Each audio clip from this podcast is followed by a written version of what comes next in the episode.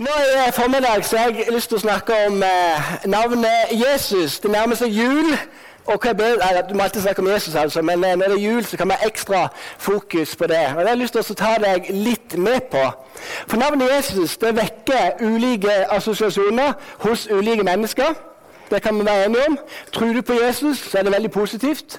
Tror du ikke på Jesus er, og du har en dårlig erfaring med det, så kan det være veldig negativt. Og Sånn er det med de fleste navn.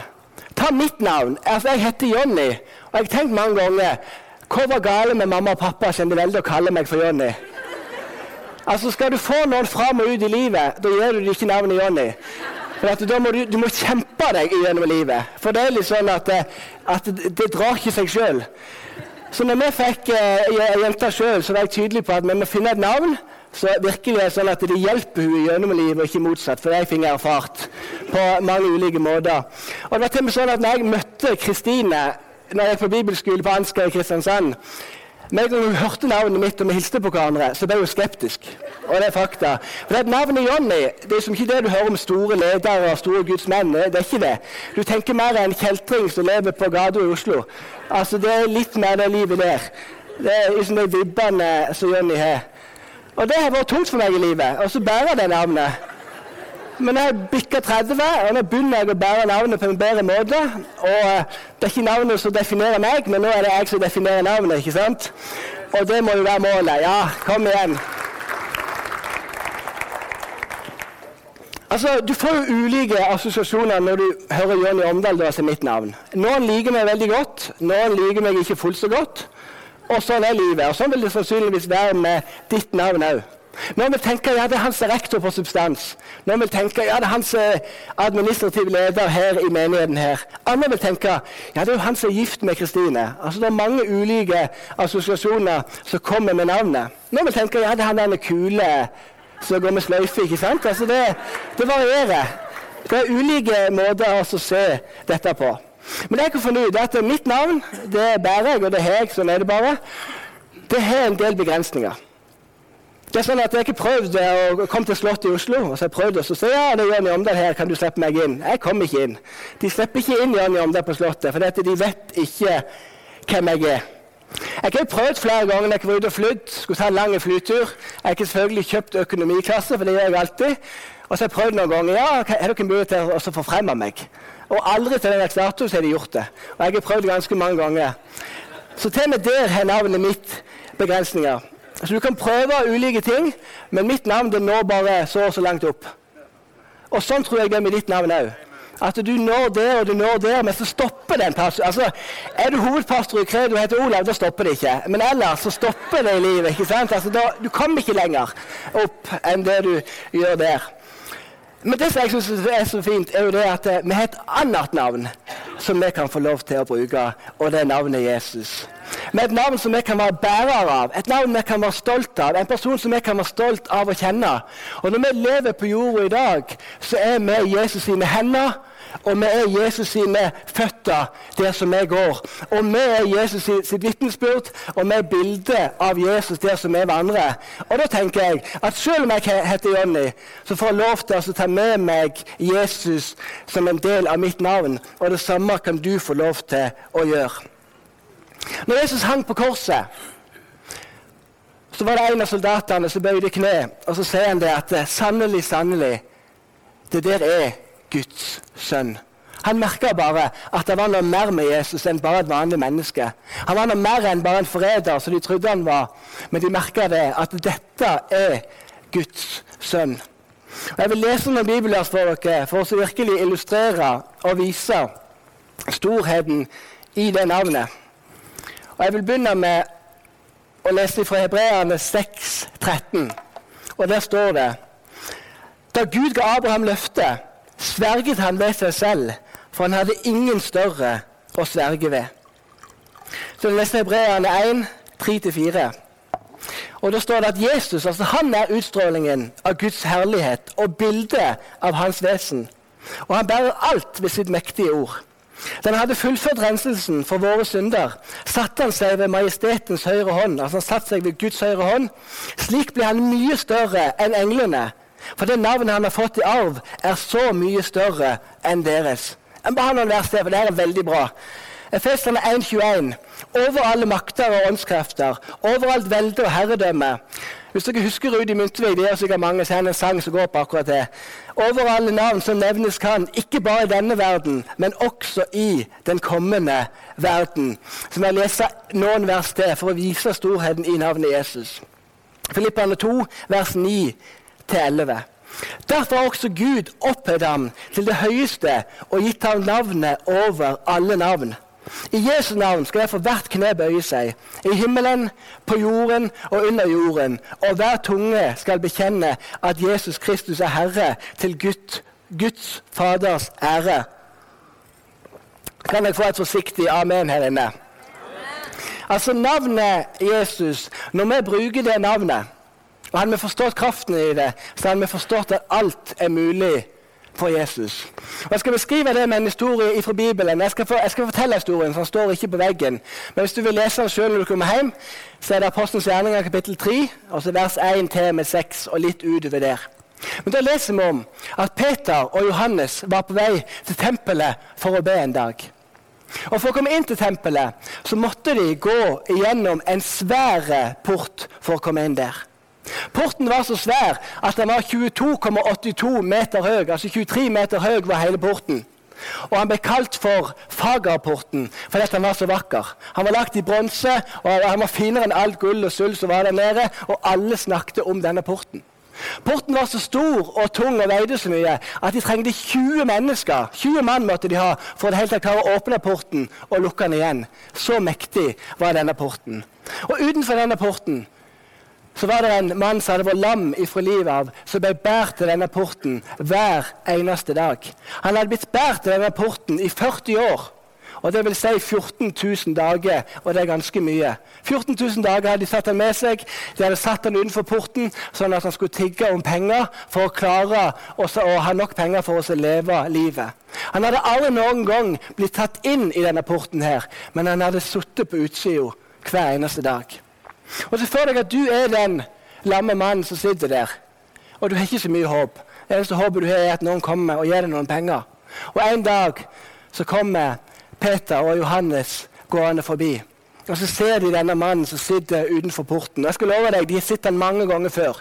De har sett han lenge før de traff Jesus og begynte å tro på Jesus òg. Alle visste hvem denne mannen her var. Og Så går de bort, her, bort til denne mannen og så sier de at vi har ikke sølv eller gull. Og det er bare å lese i Apostelens gjerninger, så ser du hvorfor de ikke har det. For at alle pengene de hadde, de ga de vekk. De beholdt ingenting sjøl. Derfor hadde de faktisk ikke noen penger. Men det jeg har deg, det jeg har, det ønsker jeg å gi deg, sier han. Og så tar han hånda si ned og tar i hånda til den lamme mannen. Og så bare sier han i Jesu Kristi Nazarenes navn, så reiser jeg deg opp. Og i samme øyeblikk som han sier Jesu navn, og han reiser han opp, så blir denne mannen plutselig momentant helbreda. Og det syns jeg er helt fantastisk. Denne mannen som aldri noen gang trodde at han kom, skulle komme til å gå. Denne mannen som aldri hadde vært innenfor porten før, kunne plutselig nå bare reise seg opp. Så kunne han gå innenfor porten, og så hadde han fått noe som var mye mer enn bare penger. Og Jesus, han er vår port. At mange mennesker de kommer til porten, men de setter seg på utsida av porten. Men skal du virkelig få oppleve kraften i evangeliet, kraften i Jesus, det livet du kan leve, da må du ikke sitte utenfor porten, men da må du våge å ta et steg innenfor og si at jeg ønsker å gå inn i porten, den svære porten som er der, og så kan du få lov til å leve et fantastisk liv sammen med Jesus. På samme måte som Peter løfter opp denne mannen i navnet Jesus, så tenker jeg at vi skal gå rundt på jorda i dag og løfte mennesker opp i navnet Jesus. Vi skal fortelle mennesker at vi tror på dem. Vi skal fortelle mennesker at vi elsker dem. Vi skal fortelle mennesker at vi tror på at Gud kan helbrede dem, at Gud kan sette dem i frihet, at Gud kan gjøre en forandring i deres liv. Ikke pga. meg, men pga. Jesus. Vi tror så mange ganger at det handler om oss. Det handler om oss, det handler om vår tro, det handler om at vi skal gjøre det og det. Men nei, det er ikke det det handler om. Min erfaring i livet er at mange ganger er jeg ikke kjempetro på at noen skal bli helbredet. Da gjør ikke Gud noe. Mens en del ganger så jeg ikke tror i det hele tatt, jeg beklager, men sånn er jeg. Jeg varierer litt på den der. Jeg alltid tror på Gud, men så ser jeg på meg sjøl tenker jeg i alle dager Men noen ganger jeg ikke tror i det hele tatt, så ber jeg for folk, og bang, der ble de helbreda. Jeg synes det er så rart. Men det viser jo meg nok en gang at det navnet Jesus og Jesus alltid handler om, og ikke oss som mennesker. Og det tenker jeg at La ikke utfordre dere sjøl til ikke sette begrensningene på Jesus. Fordi at vi ser på oss sjøl, og så blir vi leie, og så blir vi skuffa. Men så tenker jeg at det handler om Jesus. Det handler om at han valgte å komme til Og Så leser vi videre i Apostelens gjerninger 4.7. Så spør jo jødene da med hvilken kraft og i hvilket navn har dere gjort dette? Og så svarer Peter i vers 10, kapittel 4. Når denne mannen står frisk foran dere, er det ved navnet til Jesus Kristus at de har gjort det. La meg fortelle en historie fra eget liv fra jeg var liten gutt av. Jeg tror ikke jeg var mer enn tre, fire eller fem år gammel. Det er mamma som forteller denne historien til meg. Jeg husker det ikke så godt selv. Men en dag så skulle mamma ut og kjøre. Alle med fem ungene satt i bilen. Og mamma og, mamma og pappa hadde da en svær eh, Mitsubishi, så de kjørte. Og så var det stålis på veien. At når vi skulle kjøre ned bakken og Vi bor ganske høyt oppe i byggefelt, og det er jo nesten en kilometer bakke ned til bunnen. Og Det var stålys på veien, og mamma merka med en gang jeg begynte å kjøre ned bakken at i dag er det ekstremt glatt. Så hun kjørte veldig seint. Og så kjørte hun inn i noe som vi kaller for Gamlebakken. Og den gamle bakken er så smal at det er umulig at to biler kan passere hverandre. Det er bare plass til én bil, og, bratten, og, bakken er superbratt. Ta med deg en sykkel, kom til Haua, ring til meg og spør meg hvor den bakken er. Så skal jeg vise den til deg, og du kommer til å være supertrøtt når du sykler opp den bakken. Der jeg trente ekstremt mye da jeg var yngre og drev med sykling og sånn. Men i den bakken der så begynner mamma å kjøre nedover. Og så ser hun plutselig at det kommer en svær Ford Transit på vei opp når mamma kjører ned. Mamma trør pedalene inn på bremsene, og så bare merker hun med en gang at bilen tar ikke tak i det hele tatt. Bilen begynner å skjene, det er blank is, fins ikke grus, så bilen bare skjener fort nedover bakken. Han eh, sitter i transitten, den Forden, han ser jo opp på mamma, og han òg bare venter at nå kommer det til å smelle. Og farten øker jo bare pga. isen. Og så sier mamma bak til oss unger, eller roper til oss, så sier hun det at nå, barn, nå må vi rope på Jesus, sier mamma. Og vi sitter bak i bilen, og alle sammen bare roper 'Jesus!' Og vi sier ikke noe mer enn Jesus. Og i samme sekund som vi roper navnet Jesus, så skjer det noe som ikke går an å forklare. Men plutselig så stopper bilen til mamma opp 10 cm ifra den transitten. Og det er jo to biler som kan være ganske nærme hverandre, de to. Så stopper bilen opp der, og føreren som kjører transitten, er sjokkert. Mamma må jo være ærlig og si at hun er sjokkert over kraften der er i navnet Jesus. Men for det at vi ropte på Jesus, så stoppet bilen vår, og det er et mirakel. Det kan ikke forklares på noen måte, og du kan godt gi Gud en applaus for akkurat det.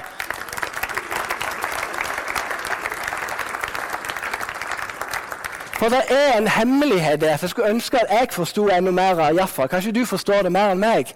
Men jeg, jeg, mange ganger så, glem, så, glemmer jeg å bruke det navnet så mye som jeg burde bruke det. Mange ganger så ser jeg på meg sjøl, og så er det håpløst. Mange ganger jeg får vondt i hodet, så er du rett i tablettene istedenfor å gå rett til Gud. Og istedenfor å bruke verdens sterkeste og beste navn som fins, så prøver jeg på alle andre ting. Og Kanskje du kan kjenne deg litt igjen i det.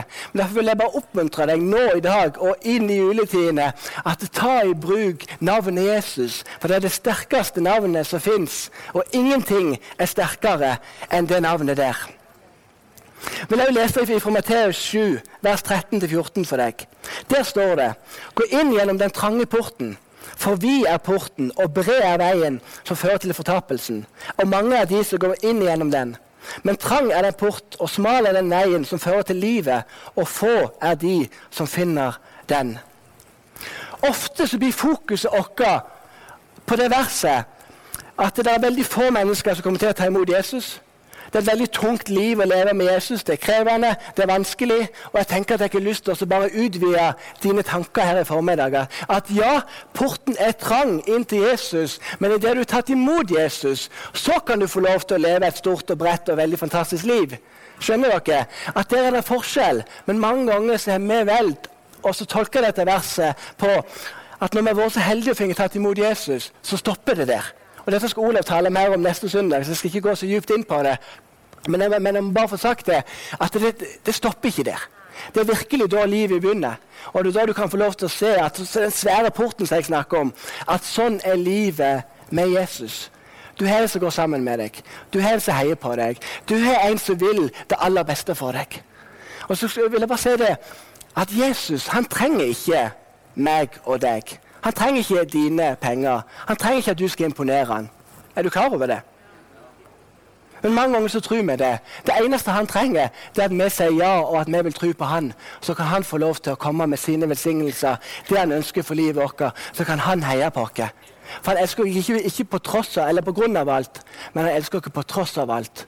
Og da tenker jeg at ikke se på dine utfordringer, alle dine feil, alle dine mangler. Legg dem på Jesus. Fest blikket ditt på Jesus og si til Jesus at 'Jesus, her er jeg. Jeg tror på deg, og jeg vil leve livet mitt for deg'. For det er et rikt liv, så du kan leve sammen med Jesus. Jeg har lyst til å inspirere dere med en annen historie her i formiddag, bare for å vise deg kraften som er i navnet til Jesus. Og Denne historien er fra Georgia. Og Dette er jo da en sann historie. Og Det handler om en liten gutt. Han var kanskje 6-7-8 år, år gammel. og Han hadde fått en veldig vanskelig form for kreft.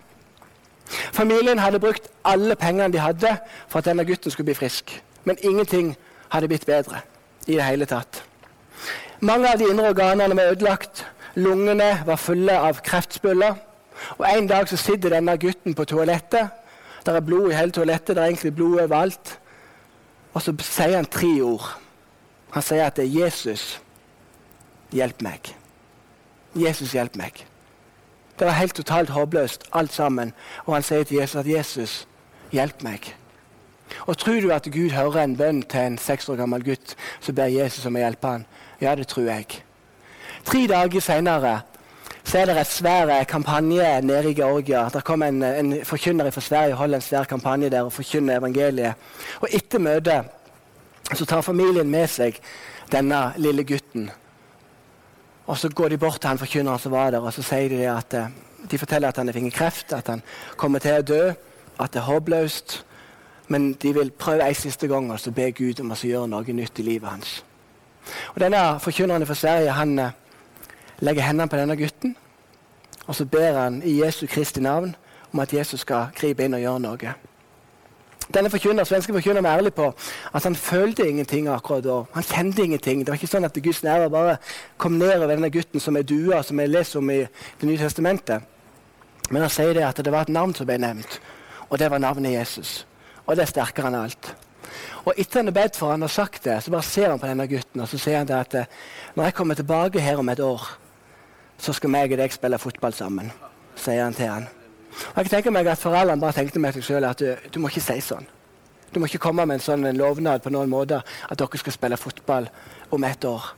Men det som skjer da, er jo at ifra og med den dagen og de kommende dagen, så begynner gutten å bli gradvis bedre og bedre og bedre.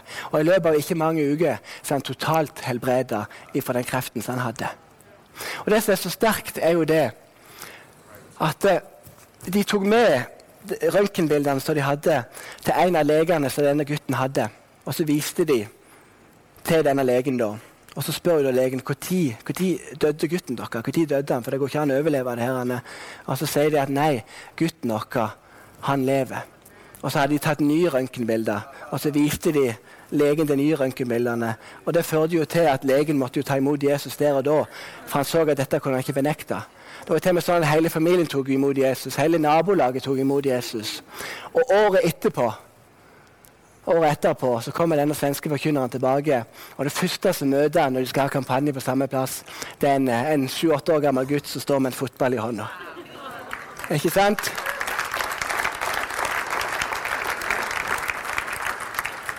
Og det handler om eh, Lovsangen kan komme opp, de var ikke helt klare. Men nå er de klare. Og det handler om én ting, og det er navnet Jesus. Det handler om at eh, når vi tror på Jesus som kongenes konge, som Herrenes herre, han som er over alt som jeg kan nevne og forstå og kan fatte, da blir det umulige faktisk mulig. Jeg kan ikke stå her og love deg verken det ene eller det andre. det kan jeg ikke. Men på vegne av Jesus så kan jeg få lov til å si at i navnet til Jesus, der er det kraft. Der er det helbredelse. Der er det utfrielse. Der skjer det umulige. For det at Jesus han kan gjøre det umulige mulig. Og ingenting er for vanskelig for Gud. Ingenting er for stort for Gud. Og det ønsker jeg bare at du skal ta med deg. Det står i Johannes 14, 14,6 at Jesus sier at 'jeg er veien, sannheten og livet'. Ingen kommer til Far uten ved meg. Det er navnet Jesus som skaper en forandring. Det er navnet Jesus som kan få lov til å bare lede deg gjennom de vanskelige tingene som du har i livet. Det er navnet Jesus som kan få lov til å snu det håpløse i livet til noe som faktisk har håp. Og det kan du få lov til å oppleve i livet ditt akkurat nå. Og Jeg kan være ærlig og si at mange ganger når mitt liv har vært tøft, når mitt liv har vært vanskelig, og jeg, og jeg endelig har forstått at det handler om å rope ut til Jesus, og når jeg har ropt ut til Jesus de gangene, så har jeg bare kjent at Jesus han har vært der. Han har vært nær. Når jeg er troløs for det er jeg rett som det, så er Jesus trofast. Når du er troløs, så er Jesus trofast og sier at ja, men jeg står her med åpne armer. Jeg vil det beste for deg. Jeg vil at du skal få lov til å komme inn i et nytt liv.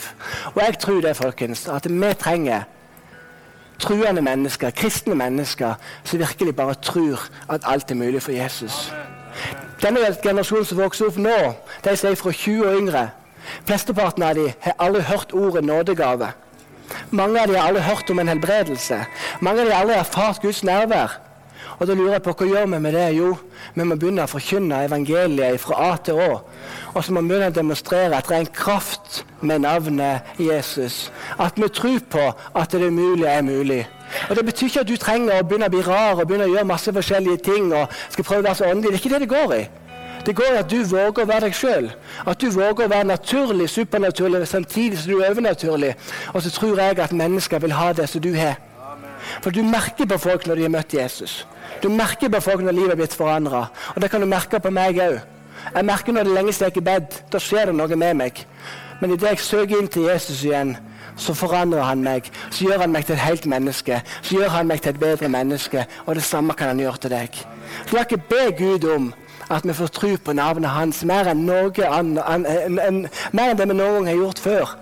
For at ved navnet Jesus så kan alt bli mulig. Jeg har lyst til å be en bønn her til slutt. Hvis alle bare kan blunde øynene, så har jeg bare lyst til å utfordre deg her inne. for Jeg har lyst til å ta deg med i bønnen. At hvis du er her inne og du lengter enda mer etter, etter å tro enda mer på navnet Jesus. altså Tro enda mer på kraften i navnet Jesus. Du vil se mer under og tegn. Du vil se mer mirakler. Du vil se enda mer at Jesus møter opp og skaper en forskjell. Så kan du bare rekke opp hånda di der du sitter nå. så jeg har lyst til å ta deg med i en bønn. Dette er mellom deg og Gud. Det er mange hender som går opp, og Gud ser hendene dine. Så jeg har lyst til å be en bønn for akkurat deg først og fremst. Jesus, du ser hender som går opp nå, far, og mine hender er oppe. Og jeg ber deg om det, far. At legg ned i deres hjerter enda større tro på navnet ditt. Vis dere enda mer hva navnet ditt kan gjøre, og hvor stor forandring det kan gjøre, far. Vis dere at jul er mye mer enn julenisser og eh, snømenn og juletre og alle de tingene. Det er, det er fint, far.